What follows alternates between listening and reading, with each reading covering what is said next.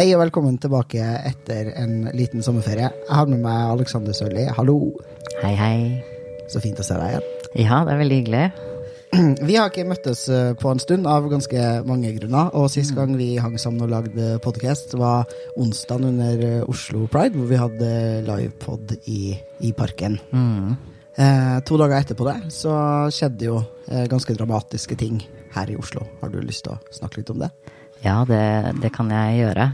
Det var jo på en måte veldig fint og hyggelig under pride. Det var jo den første priden også, etter liksom covid-pandemien. Og det ga jo veldig sånn Eller den første Oslo Pride, da, eh, etter covid-pandemien. Og det ga jo veldig sånn følelse av at ting var veldig sånn happy og, og flott. Um, men på uh, lørdagen, um, på slutten av uka, var det natt til lørdag kanskje? Ja, natt til lørdag. ja, fredag natt til, til lørdag, så var det noen som skøyt på uh, London. Og for de som kanskje ikke bor i Oslo, um, eller ikke er så veldig kjent med f.eks. det skeive miljøet i Oslo, så er London er den eh, eldste skeive baren uh, i, i Oslo. Jeg lurer på om det kanskje er i landet. Jeg tror kanskje det er i landet. Ja. Jeg, jeg tror også kanskje det. Og er jo litt sånn Har jo vært litt sånn hjertet av skeive Oslo for Ja. veldig mange. Jeg tenker at London er ikke bare en bar. London er en institusjon, liksom. London har åpent alle dager i året. London er et sted hvor man kan dra på på julaften når familien din ikke henger med deg. London er liksom Ja, det er en institusjon. Det er ikke bare en bar. Det er et sted som veldig mange av oss har vært og brukt veldig, veldig mye tid på, da. Eh, I hvert fall de av oss som bor i, i Oslo. Sånn at det er på en måte et veldig viktig sted for uh, det skeive miljøet. Og det var litt sånn vi skulle ha liksom en podkast igjen nå, så var det sånn Vi må på en måte adressere det. Men det er også veldig vanskelig eh, å prate om av veldig mange grunner. Både fordi det på en måte er så eh, alvorlig og liksom så dystert, og fordi jeg tror eh, ingen, kanskje inkludert oss, har liksom helt liksom bearbeida det, eller liksom tenkt det ferdig. Så det her blir vel kanskje litt sånn løst. Ja.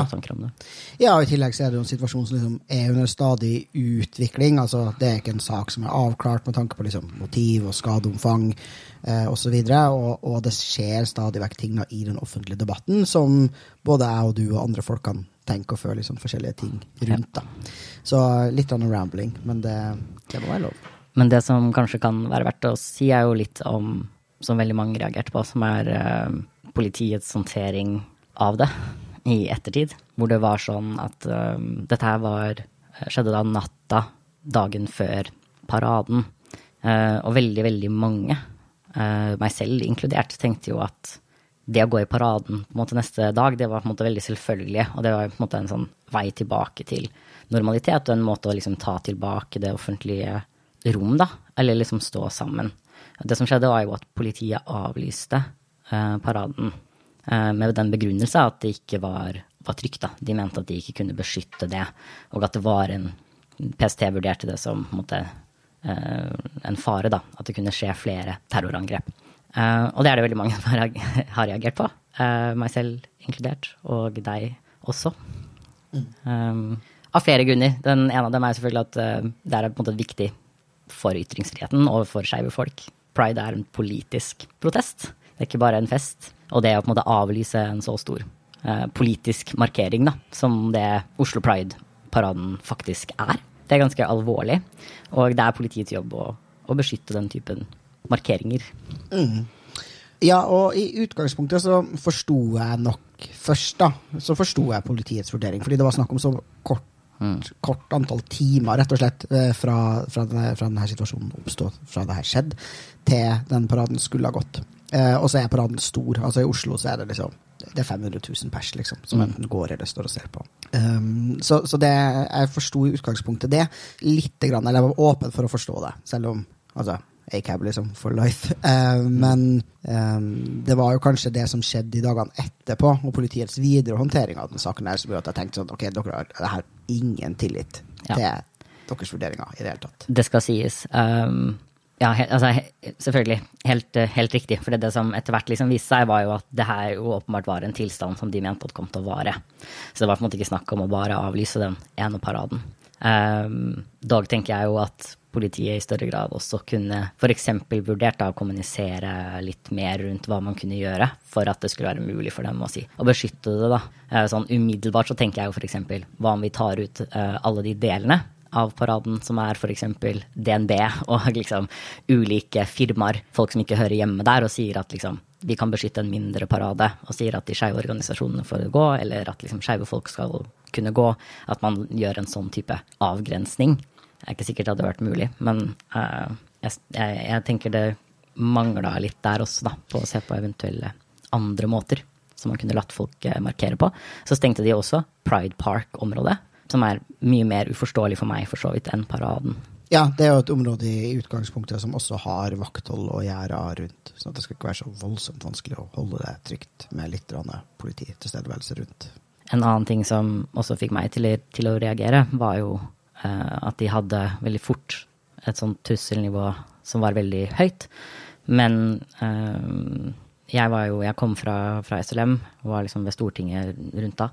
Uh, men de nektet, politiet nektet jo å sende noen til SLM på, på, selve kvelden av skytingen, selv om de hadde den største festen sin det året, som faktisk var ute på gata også. Man hadde et helt område liksom ute, mm.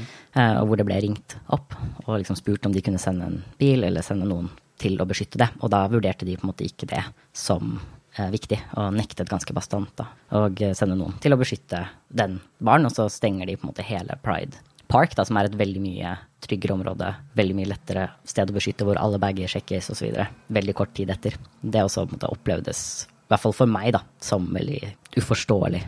Ja, og det er jo bare en av mange vurderinger politiet her har tatt som er veldig, veldig merkelig, og hvor det fremstår som om Altså, vi får på en måte bare gjennom media en sånn diffus beskjed om at det finnes en ekstrem trussel mot det skeive miljøet. Um, og vi får liksom ikke helt sånn tydelig tak på hva den trusselen er. Det vil de ikke si noe om i de dagene etterpå. Og det er for så vidt fortsatt ikke helt tydelig for meg hva den trusselen besto i. Uh, etter moment heller. Og så uh, får man på en måte Ja, det er noen steder vi ikke kan møtes, og noen ting vi ikke kan gjøre, mens det er ingen som liksom uh, Altså, det som jo skjer når folk liksom sier at det er farlig å være skeiv, generelt, liksom, er jo at alle vi som er synlige i media, eh, mm. som er synlig når vi går på gata, og som har mye skeive venner, og som henger på skeive steder og gjør ting som er liksom typisk skeivt i hverdagen, er at vi opplever sånn her Ok, si politiet nå at det bare er farlig å være med på ja. gata. Uh, og det ville de jo ikke si, men det er jo den beskjeden de sender. Så det var jo helt vanvittig masse, og kanskje spesielt transfolk, eller andre mennesker som har, kan ha et kjønnsuttrykk som er liksom tydelig normbrytende. Det var jo mm. helt sånn her, Hvordan navigerer jeg livet mitt nå? Hvordan beveger jeg meg rundt på gata? Kan jeg det? Er det liksom, Hva er det politiet egentlig sier her? Ja, jeg syns også, altså også, det er skummelt, på en måte. Uh, og syns at jeg var uh, skremmende. Og så var det jo veldig sånn Ja, nei, du bør leve livet sitt som du som normalt, på en måte, men bare ikke ha noen markeringer ute hvor det viser liksom tydelig skeivhet og sånn. Så er det sånn, ja, det Ja, da lever jeg jo ikke livet mitt normalt, da. I slutten av pride-uka, på en måte. Hvis jeg ikke kan gjøre det.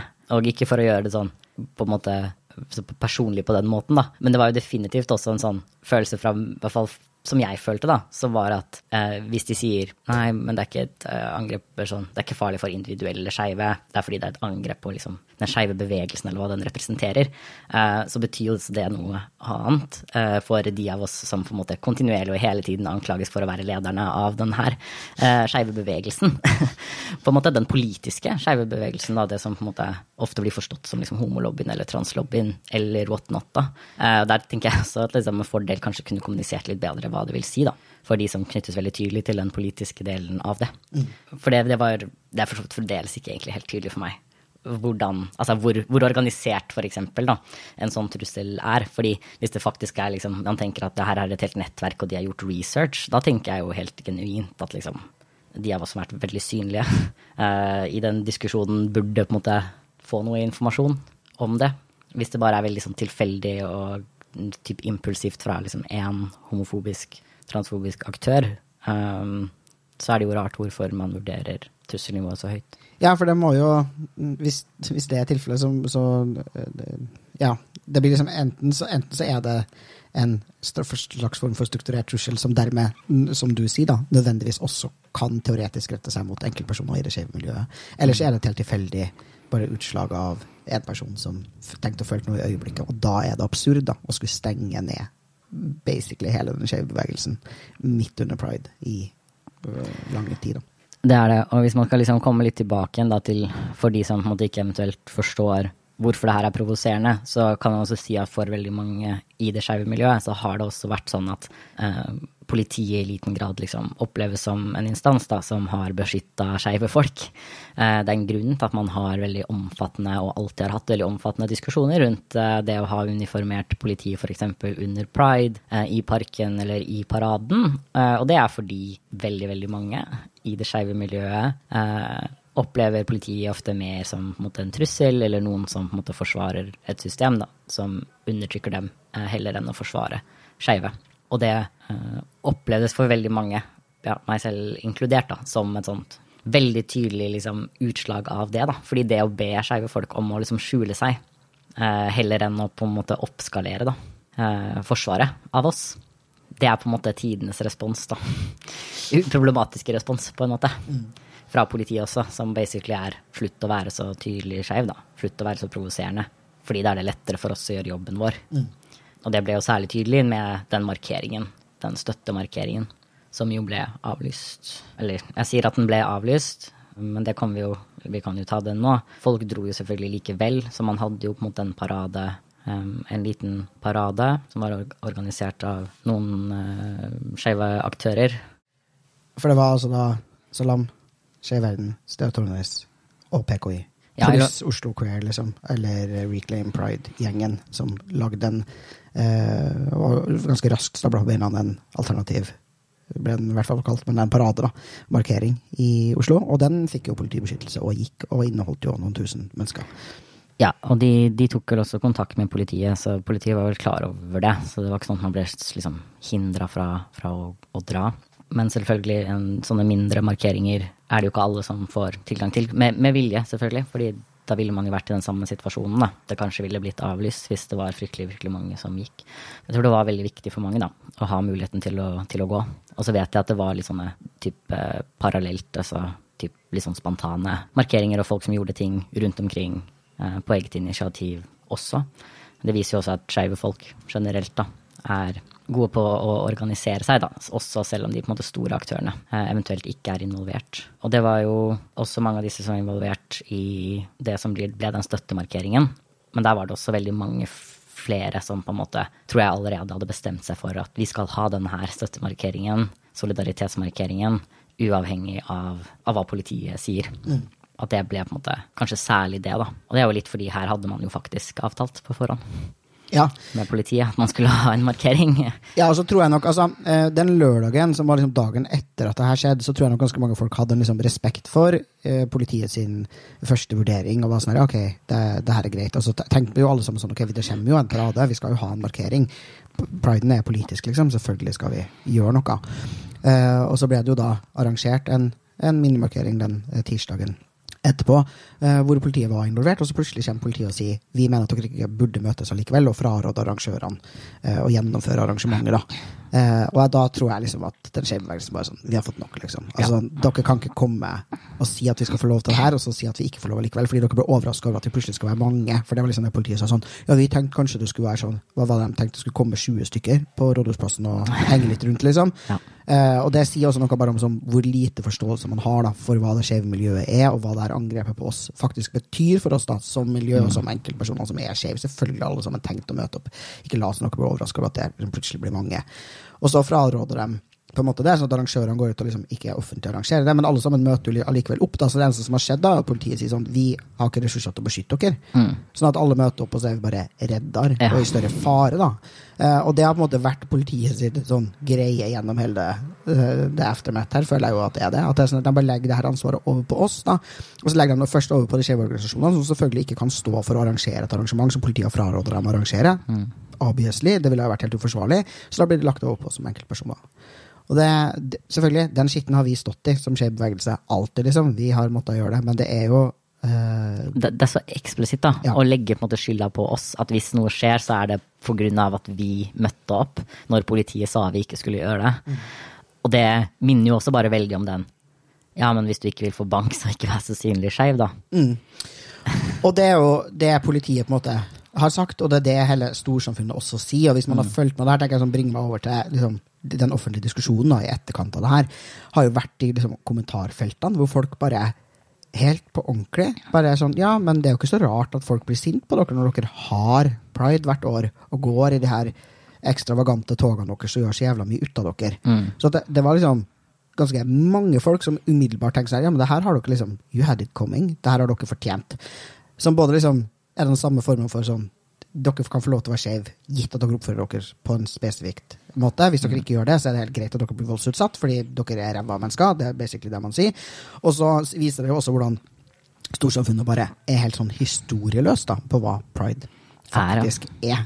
Ja, ja, og jeg tror det var kanskje noe av det som var litt sånn vanskelig for meg, og sånn gjorde at nå, nå var det jo veldig mange på en måte skeive som reagerte og liksom skrev ting etterpå. Jeg var litt sånn redd for at jeg skulle gjøre, gjøre masse, men på en liksom trakk meg litt tilbake, for jeg ble bare veldig ja, provosert, men også litt sånn trist, da. Fordi jeg bare følte veldig intenst med en gang at liksom det her kommer uansett å være en ting da, som ikke blir forstått. Sånn, folk kommer ikke forstå eh, hva det gjør med tryggheten til folk. De, kom, de forstår ikke hvor nært London er for alle skeive, og kanskje særlig skeive i Oslo, da. Også de som ikke nødvendigvis var der, da. Og hvor nært det bare er i forhold til sånn Jeg kunne bare vært der. Man alltid kunne vært der. Som jeg tror ikke blir forstått. Dette som vi snakket om litt innledningsvis også, som er sånn hva er London, eller hva er skeive puber og barer? Det føler jeg også bare er en ting som har altså er helt manglende fra den offentlige debatten, men som jeg også bare føler at vil være skikkelig vanskelig å forklare, egentlig, til de fleste i allmennsamfunnet. da, At det skeive miljøet veldig, veldig lenge, og til dels også i dag, har vært et miljø som har vært tvunget inn på helt andre arenaer for å møte andre mennesker enn det storsamfunnet har. Sånn at liksom skeive puber og barer har vært utrolig viktig, liksom. Mer sånn community centers, da. Steder der som er liksom hjertet, da, til, til det skeive miljøet. Som, um, ja, som du sier, London er full hver julaften, på en måte. Altså sånn, det er steder som er De er ikke bare puber og barer, sånn som streite folk har puber og barer. På en måte. De, de er utrolig viktige liksom, møteplasser. Det har historisk også vært det. De er steder hvor man ikke bare går for å feste og, og drikke. Man drar dit for å sørge, man drar dit for å finne eh, nærhet og liksom eh, folk som er som en selv, da. Og det betyr noe, på en måte, å få det angrepet. Og det er også bare helt sånn Tror jeg bare de virkelig ikke forstår, da. I det hele tatt hva liksom Hva impacten faktisk er. Det var to personer som døde. Det er to personer for mye alltid. Jeg har opplevd at det også på en måte har blitt sånn bagatellisert også. At det liksom blir opplevd som at det var relativt mindre liksom ikke så alvorlig på grunn av det. Og det er sånn, det også er jo bare helt hårreisende. Det var jo også var det noen 20 personer som ble, ble skadd, og en del av de ble alvorlig skadd. Um, det er et alvorlig angrep, da, tenker jeg. Det er ikke bare på en måte Ja, noen bare Det var litt drama på en pub, liksom. Ja, som en annen fyr skrev på Twitter i går. Bare sånn, det her er den neste dødeligste terrorangrepet på norsk jord noensinne. liksom. Og så er jeg sånn, ja, ikke sant? Fordi vi ja, Kanskje folk bare er liksom nesten litt sånn plassert da, av 22. juli, liksom. At vi kanskje, liksom at man klarer å tenke at det ikke er så alvorlig hvis det bare er to personer som dør, og 20 som er skada. Jeg vet ikke. Eller så handler det om en sånn bagatellisering av at det faktisk var et angrep da, på skeive folk. Jeg vet ikke. Det er sikkert en blanding, og folk har liksom sikkert forskjellige ting. Men jeg tror bare kombinasjonen da, for, for veldig mange har vært at liksom at responsen på det ikke har bidratt til liksom, å gjøre det lettere. Da. Her hadde man på en måte en veldig tragisk hendelse som hadde veldig mye å si for den skeive bevegelsen. Og både politiet og den offentlige debatten kunne vært ting som var helende på en måte, for miljøet og for skeive folk. Noe som gjorde at man fikk mer samhold, fikk mer forståelse og oppmerksomhet rundt den utryggheten veldig mange skeive føler alltid, hele tiden. Og det har det kanskje til en viss grad gjort, da. Men det har ikke Altså, det, jeg tenker at man hadde helt motsatt effekt, da. Ja, og det er jo det som jeg kanskje syns er tristest med hele liksom, det det her. Altså, sånn, den skeive bevegelsen, veldig mange av oss har sagt sånn Vi er ikke overraska over at det her skjedde. Vi, altså, det her har vi sett komme, fordi vi vet hvor mye hat som finnes mot oss. Alle sammen har enten selv eller kjenner noen som har blitt utsatt for vold. Vi har veldig sånn følere ute på hvor mye transfobi og homofobi som beveger seg i samfunnet. Da. Eh, og eh, vi har ropt varsku ganske lenge da, om det som er en del av en ganske systematisk backlash eller utvikling i eh, Norge og Europa, Vesten og hele verden, som er eh, at er anti, altså anti-gender-bevegelsen er on the rise, liksom. Det er mer hat. Eh, vi får færre rettigheter. Det er mer vold eh, og systematisk vold mot skeive folk, liksom. Eh, og den norske offentlige debatten bærer veldig preg av det. Det har liksom blitt verre de siste årene. Det, snakk, det er helt legitimt nå å sitte og si Det har blitt legitimt å si ekstremt konspiratoriske ting da, om den skeive bevegelsen. Vi har gått fra å være sånn her, Før kanskje en eller annen litt sånn perifer fyr sa at han syntes det var litt sånn heslig med homoer som hadde sex, men nå er det liksom helt innafor å bare si at den skeive bevegelsen er en skummel eh, konspirasjon eh, som kommer til å forandre og ødelegge verdensordenen, og at det er viktig at vi liksom eh, ikke gir eh, denne bevegelsen eh, ja, noe rom da, i samfunnet. Eh, og man har stempla oss som eh, pedo igjen. Altså Det var et sånn. Jeg føler på en måte skjebnebevegelsen sluppet litt unna, i hvert fall i sånn helt mainstream media og offentligheten. Det er på vei tilbake igjen. Transfolk er under ekstremt angrep. Altså det er det skjer noe greier i samfunnet da, som har pågått en stund nå, som jeg tenker at selvfølgelig eh, som er skummelt, og som selvfølgelig er med på å eh, gjøre at folk som har et voldspotensial, da, kan finne på å rette det mot skeive folk. Absolutt. Og her tenker jeg jo også at mye av grunnen til at man ikke liksom så ser liksom noe refleksjon, eller i hvert fall veldig lite refleksjon rundt det her, da, er jo på en måte også den eh, rasistiske dekningen og liksom den måten det er lett da, for veldig store deler av på en måte, storsamfunnet å ta avstand fra noe, når det på en måte klassifiseres som typ islamistisk terror. Jeg syns det var Jeg var helt fascinert over at måte, jeg husker eh, NRK eller noe sånt brukte på en måte eh, snakket om det her som noen som liksom er norsk statsborger, men opprinnelig fra et annet sted. Og så det som jeg alltid tenker når man snakker om at noen er norsk statsborger, det er at det finnes eh, noen tilfeller tenker jeg, hvor det kan være legitimt å på en måte omtale noen på den måten. F.eks. hvis de eh, veldig veldig nylig har blitt norsk statsborger og ikke har på en måte bodd i Norge i det hele tatt. Ikke nødvendigvis bare i denne typen setting, da, men på en, på en generell basis. Hvis noen selv da ikke identifiserer seg på en måte med et land, eh, liksom kom veldig nylig osv. Eh, da kan det være ha noe liksom, meningsfullt for seg, og også på en måte, referere til hvor de kom fra, og ikke bare hvor de måte, bor eller har statsborgerskap nå. Men det her er noen som har hatt norsk statsborgerskap like lenge som meg. Og da begynner det på en måte Eller ikke bare begynner, da tenker jeg sånn Det er ingen grunn til. Det, det er helt meningsløst. Det er helt latterlig å late som at noen som igjen har vært statsborger, norsk statsborger like lenge som jeg har vært norsk statsborger, på en måte ikke får med seg ting som blir sagt i mainstream media. Ja, ja og hele framingen her er jo at vi eh, altså, Ja, man har liksom gått ut og sagt at man mistenker at det er islamistisk terror, fair enough, eh, men man framstiller også som om muslimer i Norge, altså norske muslimer, lever i et sånn parallellsamfunn som er helt, helt uavhengig av det norske samfunnet. Ja, det er bare sånn, er, er dere helt idioter, liksom? Det norske samfunnet det er et stort kollektivt vi. Eh, og så eh, finnes det selvfølgelig liksom, forskjellige greiner og miljøer innenfor det norske, norske samfunnet. Men det er helt absurd å framstille som om muslimer eksisterer som i et parallellsamfunn. Eh, sånn henger ikke verden sammen. Og det har liksom, man har både liksom klart å Storsamfunnet da, kan ansvarsskrive fullstendig, fordi man bare er sånn Ja, men det her er en liten minoritet sin skyld, eh, og det har man jo virkelig også sagt. Det er jo ikke én person her, det er jo hele Alle muslimer har jo fått skylda for det her, eh, opplever jeg det som, i liksom dekninga av det. Og så er alle andre helt uskyldige. Eh, Ja. og, og ingenting man sier eh, vil noensinne påvirke noen som er muslim. Hvis du skriver en debatt, hvis du skriver et kronikkinnlegg da, om at du hater liksom, transfolk og homo, hvis du er hvit og ikke muslimsk, så, så kan ikke det ha noe effekt det, på muslimske mennesker. Det er en ekstremt fascinerende forståelse Ja. av verden. Og det er nettopp det som også var liksom poenget mitt med den Det å snakke om måte noen som norsk statsborger istedenfor norsk, da. Som eh, jeg opplever som nettopp det. Det er en sånn måte å ikke claime helt, da. Noen som på en måte En del av det norske samfunnet, og dermed også noen som påvirkes primært, da. Av norsk kultur, norsk sosialisering, norsk mediedekning, holdninger som vi har i Norge, heller enn et annet sted, på en måte. Um, og det her ble for meg, da, blir jo nettopp Ja, det er som du sier, da. Det blir fremstilt uh, utrolig rasistisk, som om på en måte muslimer og kanskje migranter generelt, da, særlig fra på en måte ikke-vestlige land som kommer til Norge, på en måte ja, lever i et totalt liksom, parallellsamfunn. Selv når de har vært her kjempelenge.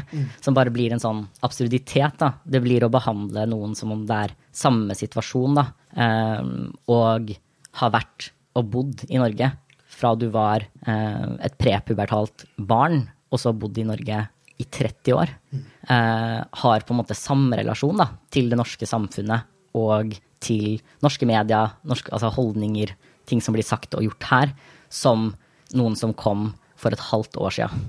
Og det er bare en sånn ja, åpenbart skikkelig fordomsfullt og jævlig. Det er også bare åpenbart feil. Det er på sånn faktabasert feil. Sånn, det, det, selvfølgelig er det ikke sånn. Dette er noen som har bodd i Norge i 30 år. Ja, og det har altså det har vært for meg helt uh, Jeg er liksom helt uh, slått i bakkene av det liksom, kommentarfeltet som jeg har lest da, i uh, det eftermælet av denne saken her, hvor man bare folk bare spyr ut rasisme som er grov, liksom, og samtidig har en sånn sånn homonasjonalistisk greier. Og det er sånn at vi, de hvite, ikke-muslimske nordmennene, kan ikke være homofob. Og så bare spyr ut homofobi eh, og transfobi samtidig, da. I liksom alle retninger. hvor det er sånn her Det er helt absurd å se på. Og så styres også debatten liksom mot det. Og ja, det siste eksempelet var jo når liksom Jonas Gahr Støre i sin 22. juli-tale. Påtagelig, mener jeg, da. Ikke snakke om altså snakke om at det var et angrep på AUF og på Arbeiderpartiet, hvilket ja, det var det. Eh, men unnlate veldig, mener jeg da eksplisitt, å si liksom at det her også var ytre høyre, mm. eh, og veldig eh, motivert i islamofobi og rasisme. Mm. Um, og så klarer å liksom snakke i en sånn generell appell da, til det han omtalte som såkalte moderate muslimer. Om å ta et oppgjør med eh, holdninger som skal finnes blant eh, muslimer som gruppe, da, tydeligvis, eh, i, etter liksom det her eh, angrepet på, på den skeive befolkninga i Norge. Um, og det er liksom Forskjellen da, i måten man behandler det på, er jo det som er problemet. Eh, og også den her appellen til det, det litt merkelige gruppa av moderate muslimer. hvem nå enn det er. Eh, Istedenfor å snakke om at liksom, vi har alle vi har alle da et kollektivt ansvar for, å, uh, for, de holdningene som finnes, for de tingene vi sier offentlig til hverandre, og for å arrestere og adressere eh, negative holdninger som andre folk har rundt oss. Og selvfølgelig er du del av et miljø der noen radikaliseres i en eller annen retning, og kan, det kan være med begrunnelse i, eller liksom, at du forsvarer det gjennom mm. bruk av et religiøst uh, religion din, eller whatnot. Ja, selvfølgelig har du et spesifikt ansvar, et spesielt ansvar hvis, altså hvis noen rundt deg bare er i ferd med å radikaliseres på et vis. Mm. Men det er altså helt hinsides å bare komme en sånn generell appell til alle muslimer i Norge eh, om at de har et sånn særskilt ansvar for å ta ans uh, avstand da, fra denne terroren. Jeg synes det ble usmakelig. Eh, og det var helt sånn I hvert fall at man da ja. liksom skal eh, Ja, det er smakelig uansett, men eh, særlig da på en dag hvor man jo markerer ja, nettopp et angrep fra ytre høyre. Noen som langt på vei er nazistisk, på en måte. Jeg, jeg opplever det også som en veldig sånn undergraving også, da. Eller sånn Det blir fremstilt litt som at eh, det som er problematisk å si, er at muslimske ledere eller kulturer har ja, et særlig ansvar for liksom, eh, radikalisering i sine miljøer. Men det er det jo ingen, det er ingen som nekter for det. Hvis du leser på uttalelsene til, uh, til Salam, til en, en rekke liksom, samfunnsdebattanter som er opptatt av uh, som er muslimske og som er opptatt av skeive saker spesifikt, da, så er jo alle veldig tydelige på at liksom, det, er ikke det. det er ikke det som er problematisk. Men det å f.eks. rette det til en sånn generell gruppe av liksom, moderate muslimer som kanskje vil det er jo utydelig hvem det dekker, da. Men i mine øyne så høres det også ut som bare på en måte tilfeldige muslimer ja. som lever rundt. altså sånn, eh, etter, tror etterpå når han svarte for seg, så var det litt sånn eh, at han snakket om plutselig om muslimske ledere. Så ble jeg sånn, men det er jo ikke altså sånn, Det var jo ikke det du sa. Det er en ganske stor forskjell også på å adressere f.eks. ledere i et religiøst miljø og liksom moderate muslimer som gruppe. Det er jo en veldig ansvarliggjøring av en veldig mye større andel mennesker som på en måte ikke har noe med det å gjøre. Eh, og kontekst og eh, når og hvordan man mm. sier ting, har også noe å si, da. Men eh, nå kommer vi liksom kanskje litt, litt, ut på siden, men jeg tenker det er, um, det er påtagelig, da. Og det bidro i hvert fall veldig, da, tror jeg, til at man ikke også fikk noe av den uh, refleksjonen da, fra storsamfunnet generelt rundt hva det er greit å publisere og ikke, uh, og rundt på en måte hvordan samfunnsdebatten påvirker voldsutsattheten til skeive folk. Vi har sagt veldig lenge at denne typen diskurs, hvor på en måte skeivhet og liksom regnbueflagg og alt det her blir regna som på en måte faktisk da, et forsøk på å ødelegge samfunnet. Eh, til å ødelegge barn og sterilisere barn og liksom knyttes til pedofili. Um, uh, det, alt dette her er faktisk farlig, da. Det fører til en økt voldsutsatthet. Og det at de folka som kommer med disse ideene, også vil si at ja, men jeg sa ikke at noen skulle drepes, eller jeg sa ikke at, liksom, at vold var greit. Det betyr ikke at på en måte de folka som tenker at vold er greit, ikke blir berørt av alt det andre du sier. Hvis du sier at noen er en, på generell basis er en trussel mot eh, barn, folks barn f.eks., det er en ganske heftig påstand, da. Eh, og på mange måter så kan man nesten si at hvis du faktisk mener at noen er en genuin på en måte, trussel da, for typ kvinner og barn da, som, en, som gruppe, mm. at det å på en måte reagere voldelig mot dem er relativt rimelig. At du kan se på det som en slags forsvar eller som på en måte en, en reell liksom, si, selvforsvar eller for, på en måte forsvar av en sårbar gruppe. Da. Og det er det miljøet de har skapt mm. og skaper. Og jeg, jeg syns det er ja, vondt og, og, provoserende på veldig mange måter. Da. At man måtte ha klart å komme unna med å eh, i så stor grad ikke ansvarliggjøre noen aktører som driver med det her. Bare fordi de er liksom hvite. Ja, og det, ja, det, har de brukt for alt det er verdt. Og jeg syns også det er påtagelig liksom sånn, bare sånn, de folka som er så veldig opptatt av, av ytringsfriheten, og at den er så jævla viktig. Sånn at er, transfolk og skeive folk eh, ikke kan si fra om liksom, når vi mener at liksom, her er eh, Det må finnes en grense da, for hva Ikke nødvendigvis hva man skal ytre midt på gata eller når man går og henger med vennene sine, men hva som skal publiseres da, gjentatte ganger i alle landets aviser hele jævla tida. Liksom, er det nødvendig? Mm. Er, liksom, de er sånn, ah, Ytringsfriheten er helt sykt, sykt viktig. Vi må ikke på noen som slags måte innskrenke den. Ei heller med å liksom, tenke oss om på hva vi velger å publisere i avisa vår. Man skal liksom omtrent ikke ha redaktører lenger. Alt skal bare på. Eh, så tenker jeg sånn, Hvis det er så jævla viktig, så må du ha en viss tro på at ytringa har en betydning. At det folk sier, da, faktisk betyr noe. Mm. Fordi ellers hadde jo ikke den ytringsfriheten vært så sinnssykt viktig. Og neste øyeblikk er jeg bare helt sånn Nei, men altså, jeg sa at, uh, at dere driver med pedogrooming av små barn, og at dere er en trussel mot kvinner og barn, og bla, bla, bla. Men, men jeg sa jo ikke Det har ikke noe betydning. Det vil aldri kunne føre til vold. Altså, Ytringa bare betyr ingenting. Da, og da blir jeg sånn dere kan ikke si begge de to tingene samtidig. Jeg går ikke med på det. liksom. Det som også har vært, som jeg tenkte jeg skulle prate litt om, eh, er jo at det har vært en del mediedekning også i det siste om Uh, at det har blitt anmeldt mer hatkriminalitet mot skeive folk. Det har nettopp vært en uh, litt større sak om noe vektere på et skeivt arrangement som utøvde unødvendig mye vold mot deltakerne, og homofobisk motivert og transfob mm. vold. og liksom, spørsmålet mitt er egentlig bare sånn Har det, har det blitt farligere å være skeiv, eller hva, hva, skal folk der hjemme liksom tenke om det å være skeiv, tenker du? Jeg tror kanskje vi har snakket litt om det før også, men jeg tror altså det, det er veldig skremmende, på en måte for veldig mange, særlig rett etter et sånt angrep, og også på en måte da se eh, veldig mye måte, dekning av eh, både på en måte hatkriminalitet og eksempler på at man ikke blir liksom beskytta av aktører som skal beskytte. Eh, det, er, det, er, kjempealvorlig. Jeg tenker En ting som er liksom verdt å merke seg, da, som kanskje kan gjøre noen liksom, i hvert fall litt mindre redde, det er at eh, veldig mange av de her tingene har nok vært veldig utbredt også før. Eh, og at selv om man måtte ha sett mye negative ting om skeive folk i media, så mener jeg nok også at det har vært en økning i en forståelse av da, at skeive folk blir utsatt for vold, f.eks. Eh, at vi er en voldsutsatt gruppe. Og det gjør også at mange av de sakene som aldri ville blitt dekket før, det blir dekket nå. F.eks. Dette dette med mm, vektere, da. Eh, det har i hvert fall så lenge jeg kan huske vært et kjempestort problem. Altså Så lenge jeg kan huske å ha vært med på at man skal leie utesteder hvor det er vektere til stede, til skeive arrangementer, Um, jeg har opplevd gjentatte ganger at vektere har vært ekstremt homofobiske eller transfobiske. Det er en generell bekymring. Det har aldri liksom blitt tematisert før, og nå blir det tematisert. Og jeg tenker det er kjempebra. Det er kjempebra at det tematiseres. Det er viktig å huske at, mest, at en del sånne ting har vært problemer lenge, og det som skjer nå, er at de en del av de problemene blir mer synlige. Ikke nødvendigvis at det er flere av de. Og det er viktig også når man tenker på å an, altså anmelde hatkriminalitet.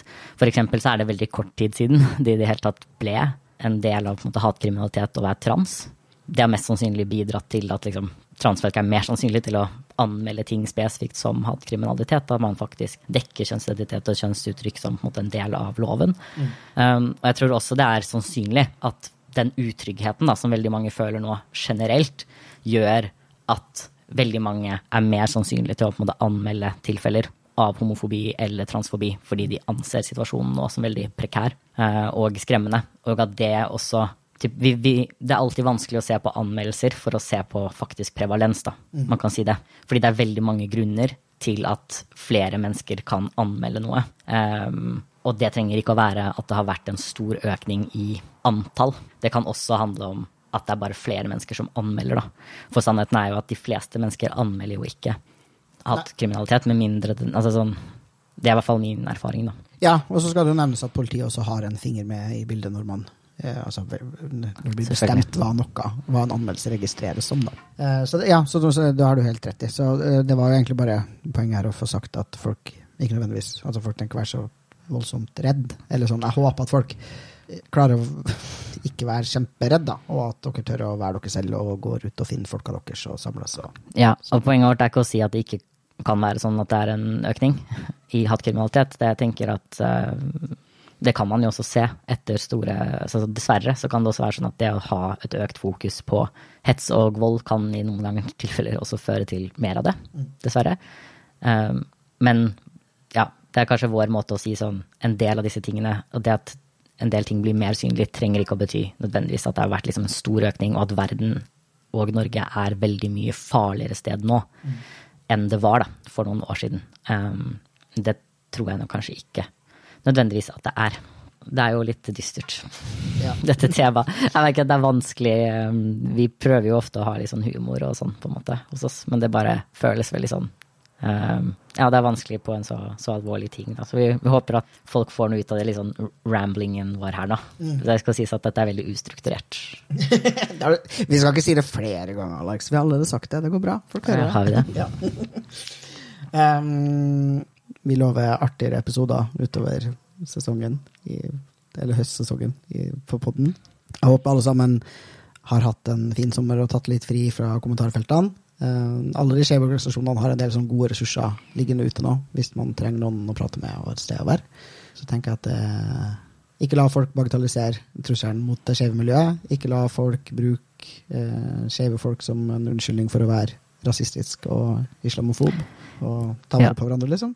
Ja, helt enig. Og ta vare på dere selv. Det tar tid, liksom, å komme over det her. Enten Um, altså særlig selvfølgelig til uh, dere som eventuelt var på London eller på Per på hjørnet, som var den andre puben uh, som ble skutt på, som ligger rett siden av. Uh, men også hvis du på en måte ikke var der, men bare men allikevel opplevde det her veldig intenst, da. Det, det er helt vanlig.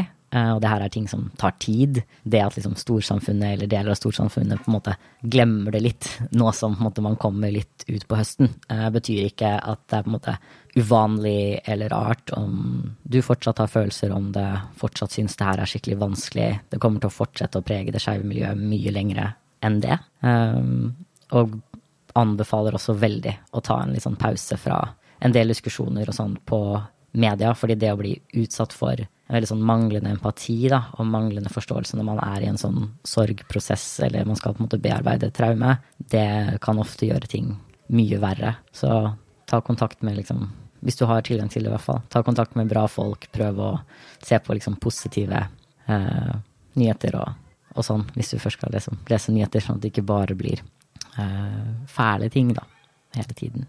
Kan jeg jo si det helt til slutt, da. At jeg er jo veldig stolt over det skeive miljøet. Jeg syns måten det faktisk ble mobilisert, da, til tross for at måtte, politiet var veldig tydelig på at de ikke ville beskytte oss, var uh, utrolig flott å se. Og uh, at skeive folk er så jævlig resiliente mm. og modige. Bare det at uh, man har alle disse folka som sutrer over at det er så skummelt å ytre seg, fordi tenk om du blir kalt transfob. Uh, mens uh, skeive folk, inkludert folk som faktisk liksom ble uh, skutt etter på London, da, bare noen dager etterpå, liksom drar på en minnemarkering med store regnbueflagg og stiller opp og bruker sin ytringsfrihet, da, til tross for at politiet har sagt at det er en fare for at man kan bli drept. Mm. Det bare viser hvor jævlig mye råere og tøffere og mer resiliente skeive folk er enn våre motstandere. Det er så sant. Men on that note, det er selvfølgelig også lov til å bare være redd. En stay om hvis du har lyst til det. Det er veldig, veldig lov. Ok, tusen takk for at du var med på podkasten i dag, Aleksander. Det var hyggelig å se deg igjen. Jeg heter Luka Dalen Espeseth. Takk til Martin Skjold for den nydelige Trans-Norge-musikken. Eh, og takk til teamet vårt med klippere, som består av Elv, Mina, Noah og Andreas. Og takk til Thomas Westervold Hansen for grafisk profil til podden. Følg Trans-Norge der du lytter til podkaster for å få med deg alle episodene. Og følg oss på Instagram, der heter vi trans.norge. Og følg PKI. De heter pki.norge på Instagram. Meld deg inn i PKI på nettsidene våre www.sjunsinkongruens.no. Kjærlighet. Whoop, whoop.